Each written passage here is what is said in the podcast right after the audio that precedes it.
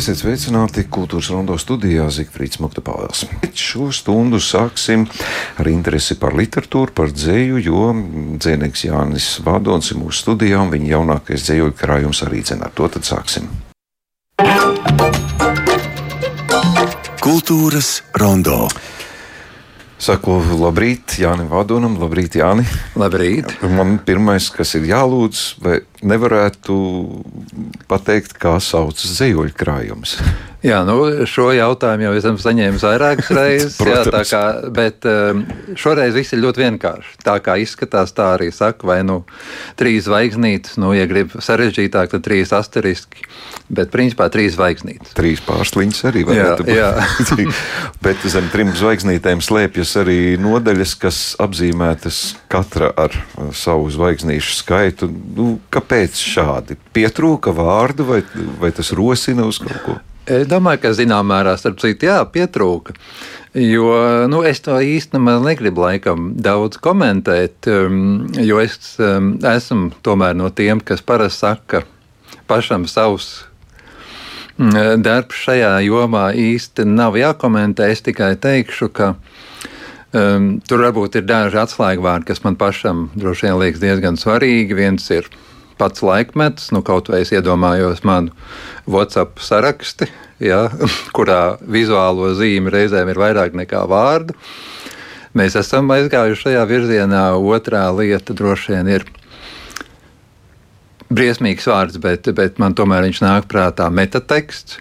Bet metateksts tādā plašā nozīmē, ka um, katra dzīslas grāmata vienlaikus ir arī grāmata par to, kas ir dzēja. Katra dzīve vienlaikus ir arī eh, nu, tā kā ilustrācija, ko nozīmē dzīvot. Nu, un kad māksla un, un teksts un dzīve satiekās kopā, tad nu, es teikšu, ka lai gan māksla bieži vien izaug lielāka, bet gala rezultātā dzīve vienmēr pārspēja mākslu. Jo dzīve vienmēr izrādās daudz nozīmīgāka, mistiskāka, metafiziskāka, visāda. Un tur pa vidu vēl ir valoda, kas reizēm var un reizēm nevar. Un šajā zīmēs varbūt arī kaut kas no tā visa, visa ir. Pateikts. No, nu, jūs gan pateicāt, man tagad uh, es uzreiz klikšķinu uh, datorā, bet uh, man skan prātā mm, tas, ko teica dzīvnieks Leons Briedis, vēl ilgi, neilgi pirms savas aiziešanas. Viņš man tāds ļoti privātu tādu frāzi teica, tu zini, tai literatūrai nav nekādas nozīmes, galvenais ir dzīve. Tagad jūs pēkšņi tā man uzjundījāt šo, šo atmiņu. Nu, jā, kas... vai Tarkovskis, kurš teica, ka literatūra veids, kā dzīvot un nomirt. Jā. Mm, nu, labi, ļoti nopietni izklausās. Kaut gan tas man disonē ar to, ko es lasīju jūsu dzējoļu grāmatā. Jā, laikam es aizmirsu pie, pieminēt, ka, protams, šajā zīmēs patiesībā, kā vienmēr literatūrā un kā vienmēr mākslā, ir arī spēle. Ja? Neapšaubāma spēle arī tajā visā ir iekšā. Tas varbūt, un turklāt, kā tas viss tappa, tas bija ļoti galīgi ne akmens sajām un galīgi ne ļoti nopietni šis krājuma nosaukums. Ja? Labi, bet šo spēli tur nevajag īpaši meklēt un mēģināt risināt. Tā ir jūsu privāta. Es domāju, ka tas ir lasītāja ziņā. Katram savu. Ko spēli. viņš tur redzēs, un vai redzēs spēli vai nespēli, vai varbūt kaut ko pilnīgi citu. Labi.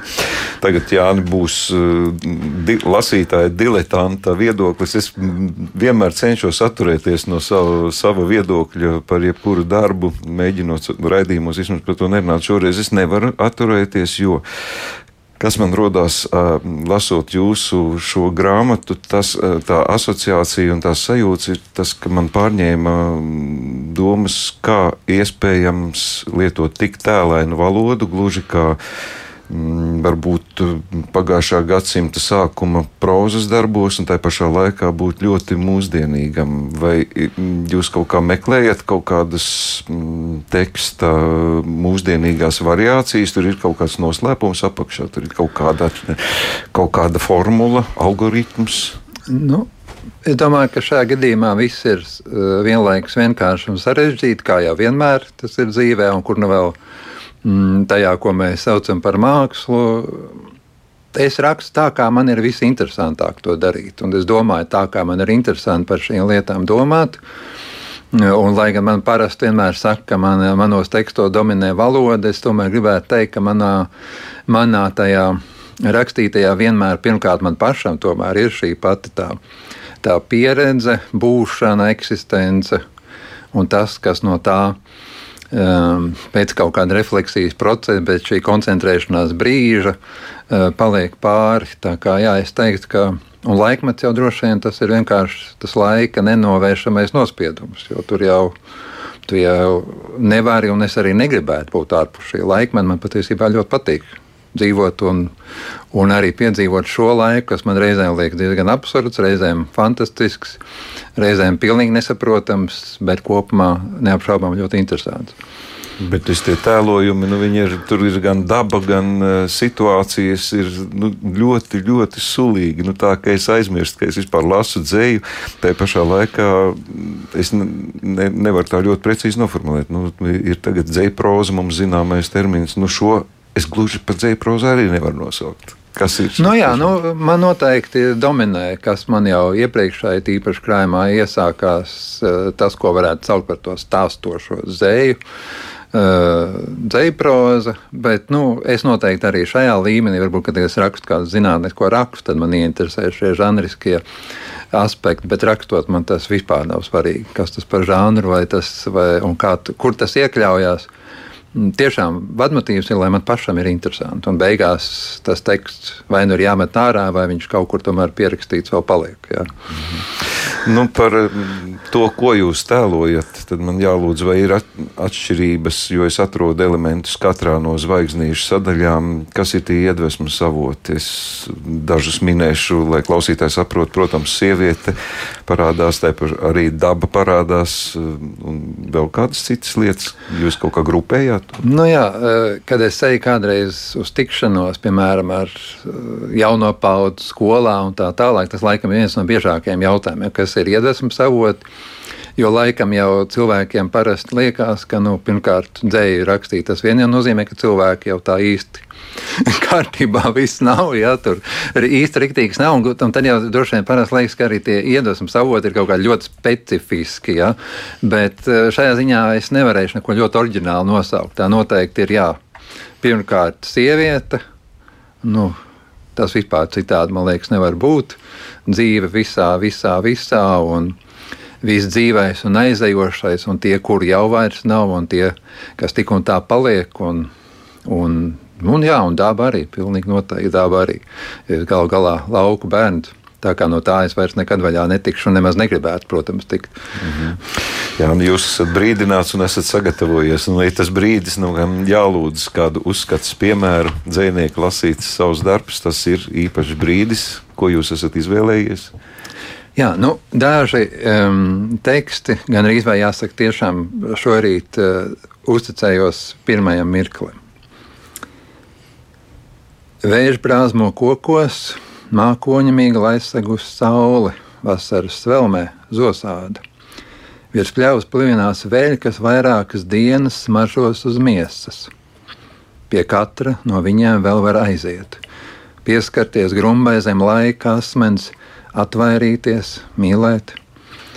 Bet vējš sabiezai koku pakājē, šūpodams ēnas, kā traukā, kurā pret rītu aizgājēji atgriežas nomazgāts sodrējs, noberst līdz miesai dzīvību, kam kā ritenis no pakalna triecamies pretī.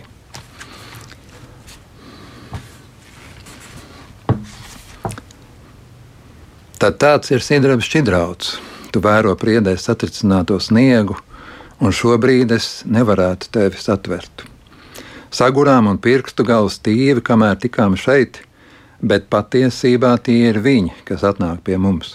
Kad atbrīvojam stāvgrūdām piepildītās cīņu ielas, salē piparmētu tēju, mazliet tiek baltiem lāsumiem uz kapa apmalas un zemē noliktajiem durkļiem, un laimīgi zina, pāris, kas noiet mums garām smaida, arī viņi ir atraduši rokas un tikmēr notur akmeņus, senos augļus, kas atceras zara nedrošību, putnu, kurš kā iestrēdzis kadrā atkal un atkal atlidos pēdējo ziemu. maigos kliedziens kopā ar tumsu, nodots no paudzes paudzei, piedūmojuma rīklē, kam izdodas uzvedināt uz sarunām prāta otrajā pusē, laiku nepabeigtu pārāk apsūdzējušos ciparos uz pieminekļa. Tu pakāpies augstāk, un nākamajā solī būtu izgājusi man cauri, lai uzietu tur vienīgi sevi. Koki notrīs kā bazūnēs izdziestot ērģeļu skaņai, un jākāp lejā vērt vaļā baznīcas durvis. Dzīvnieks Jānis Vādons no jaunā dzīvojuma krājuma trīs zvaigznes. Mums nolasīja divus fragmentus, un arī šajā jūsu lasītajā. Nu, es nezinu, cik daudz te varēja sajust tās mūsdienas, bet ko, dzējas, dzējnieku kopainā bieži vien jaunie dzinieki izmanto, lai pasvītrotu savu piederību laikmetam, jaunu vārdu, svešu vārdu. Šur tur jums arī kāds angļu, angliskums parādās, bet ļoti, ļoti minimāli. Vai mūsdienu dzēja ir iespējama bez tādiem mūsdienu jaunvārdiem, bez anglicismiem? Nu, pilnīgi noteikti ir iespējama, bet paralēli literatūra, protams, ir tāds specifisks veids, kur Nu, protams, literatūra piefiksē to, kas valodā notiek visos, visās izpausmēs, un ir kādas stilizācijas un tā tālāk. Un man, man liekas, ir tikai viens angļu vārds, un tas arī piln, tas gan ir diezgan apzināti iekļauts, jā, lai paironizētu par, par to, kas mums šeit šobrīd notiek. Jo paralēli, ja es skatos ārpus literatūras, ārpus tā, kur mēs vienkārši piefiksējam šo procesu, tad es teiktu, ka ne tikai literatūrā, vispār mēs pilnīgi noteikti latviešu valodā joprojām varam visu. Varam vairāk nekā reizēm varbūt paši ticam un, un redzam. Un, un, un jautājums ir, vai mēs gribam darīt un attīstīt, lai varētu arī turpmāk visu. Un, un, un tajā pašā laikā literatūrā, es domāju, nu, val, kā valodas tādā kvintesence, nu, mēs jo, jo spožāk redzam, ka valoda, latviešu valoda ir bagāta un, un emocionāli spējīga un arī intelektuāli piesātināta. Pietiek ar līdzekļu, ar ko izteikties. Ne? Pilnīgi noteikti. Pilnīgi noteikti. Par dzēju nu, mēdz teikt, ka dzēja tā ir tāds neliels ieskats mūsu tuvākajā vai pat tālākajā valodas nākotnē. Jūs vedināt uz to, ka vai cenšaties parādīt to mūsu valodas nākotni, ka šāda būtu jūsu ideālā latviešu valoda? Nu, tādās, tādās kategorijās es droši vien nedomāju, bet vienlaikus es noteikti piekrītu tam, ko teica Pēters Brūvers, ka katrs dzinieks ir nacionāls, nacionālists. Ja? Nu, es pilnīgi noteikti šajā ziņā esmu. Es gan gribētu teikt, ja, bez, bez kaut kādiem, bez kaut kādiem um, pārspīlējumiem, bet tajā ziņā, ka, ka nu, skaidrs, ka tās attiecības ar latviešu valodu ir ļoti tādas privātas, emocionālas. Es teikšu, tā katru reizi, kad es dzirdu kaut ko sliktu sakā par latviešu valodu, es to uztveru noteikti diezgan, diezgan personiski. Un ir grūti tā neitrāli norobežoties. Tad ir kādreiz kādā tiešsaistes sarunā jāievelk elpa un tā jānomierinās un tad jāatgriežas pie, pie argumentētas sarunas, jo, jo, jo jā, latviešu valoda pilnīgi noteikti mīļa un svarīga. Pieminējot Pēteru Brūveru, atceros viņa teikto, ka viņš apgalvoja, viņam ir valodas absolūtā dzirde. Jums arī piemīt pēc šī piemēra man šķiet. Nu, jūs... To es nespriedīšu, bet tas, ka Pēteram tas bija, tas ir pilnīgi skaidrs. Es atceros, ka es pie viņa, pie viņa līčos sēdēju, mēs tur vakar, vakarus vadījām daž, dažkārt, un viņš no atvilknēm, no vairākām pat vilka laukā lietuviešu atzējojumus, un man tie likās tik perfekti un tik skanīgi, ka es atceros, ka es viņam vienreiz arī prasīju, kā tev šķiet, vai tie nav labāki nekā oriģināli. Tā varētu būt par to absolūto dzirdi. Uh, Jāni, domu zīme ir, domu zīmes ir tas tā darba vieta, varētu tā teikt, laikam, un jūs redzat, jums ir iespēja redzēt to literatūras kopainu, dzīslu kopainu. Vai jums tas netraucē, vai tas palīdz radīt savus darbus? Nu, uh, nē, tas noteikti netraucē. Es atceros, ka kādreiz ar jauniešiem kopā pāris jauniešiem gājām uz vienu pasākumu, un, un man viena jaunieta saka, ka viņa piedalījusies kādā dzīslu konkursā un tur dabūjusi otro vietu un ka viņai tas patīk. Viņa man kā mierinot saka, ka ne, ne, tikai neuz, nu, no, gan arī neuztraucieties, es nevienu nelasu, es neietekmēju, tas viss ir mans. Bet es pilnīgi nu, piekrītu laikam Ulrichs Bērziņš, ja es nekļūdos. teica, ka grāmatas top no grāmatām, ja? teksts top no tekstiem, un tas tikai palīdz un, un nezinot, nezinot nevar, nevar neko uzrakstīt, un reizēm arī tie teksti, ko mums iesūta, kā reiz varbūt tā problēma ir, ka nav mazliet palasīt mūsdienu dzēju, un tie teksti atgādina, nu, nu, pavisam citu laiku, un galvenais pavisam citu izteiksmi, pavisam citu intonāciju. Tā kā nē, teksts vienmēr palīdz, un tas kā reize viens no tiem skaistiem domzīmes eh, darba elementiem, ka ir iespēja daudz tekstu būt pirmajam, daudziem tekstiem būt pirmajam lasītājam. Tā noteikti ir tāda bauda un prieks daudziem labiem tekstiem. Domāju, ja. Tā ir tāda bezmaksas izglītība. Pašam, Tieši tā, jā, tāda bezmaksas prieks. Jā. Par domu zīmēm viss kārtībā. Būs atkal jauns numurs. Jā, tūlīt iznākam, un būs arī uh, trešā numura atvēršana 29. jūnijā. Un, nu, tas tagad darbs ir tāds. Tādā nebeidzamā režīmā, tomēr mēs tagad jau iznākam sešas reizes gadā, un tas ir tiešām pārgājis tādā, tādā nepārtrauktā, nepārtrauktā mm, tapināšanā, ja, jo, jo tas prasa zinām tādu zinām tādu koncentrēšanos, bet, bet tas mūs arī notur tonusā vienlaikus. Discip ja? Disciplīna. Nu, disciplinē, pilnīgi noteikti. disciplinē, jā. ja, ja runājam arī saistībā ar domzīmēm, jūs redzot to kopā, nu kā jūs vērtējat šī brīža literatūras situāciju Latvijā?